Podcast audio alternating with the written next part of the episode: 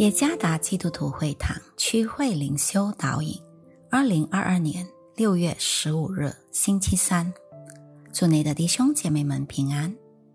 今天的灵修导引，我们将会借着圣经诗篇四十六篇第一和第十一节来思想今天的主题，在他里有平安。作者施爱家传道。诗篇四十六篇第一节：神是我们的避难所，是我们的力量，是我们在患难中随时的帮助。十一节：万军之耶和华与我们同在，雅各的神是我们的避难所。安全感是每个人都非常渴望的，这是因为罪恶。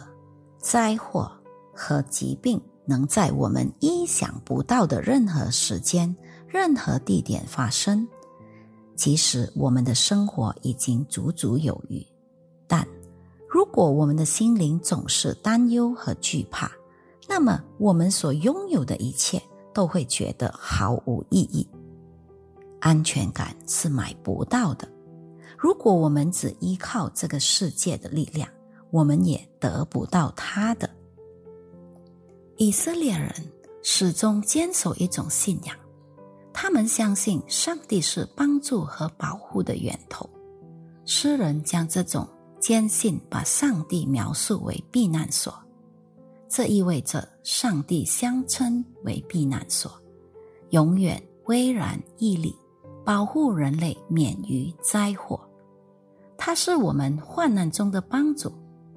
诗人甚至以一种夸大的方式来描述上帝。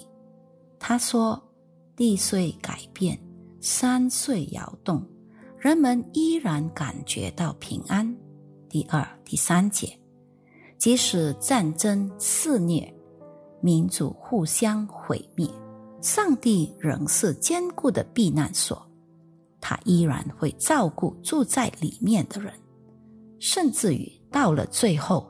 他也会给世界带来和平。唯有亲近上帝，我们才感到平安。他允许将我们安置在他的避难所里，并在他里面有生命的保障。依靠上帝而活，让他在我们的生活里掌权，并按照他的旨意生活。因此。因信上帝而活的艺人更能感受到平安，因为上帝从不让我们摇动，即使有的时候生活上的挣扎使我们停滞不前，但我们相信他乃是我们信实的帮助。上帝要把我们安置在高处。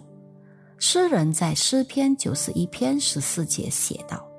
上帝说：“因为他专爱我，我就搭救他；因为他知道我的名，我要把他安置在高处。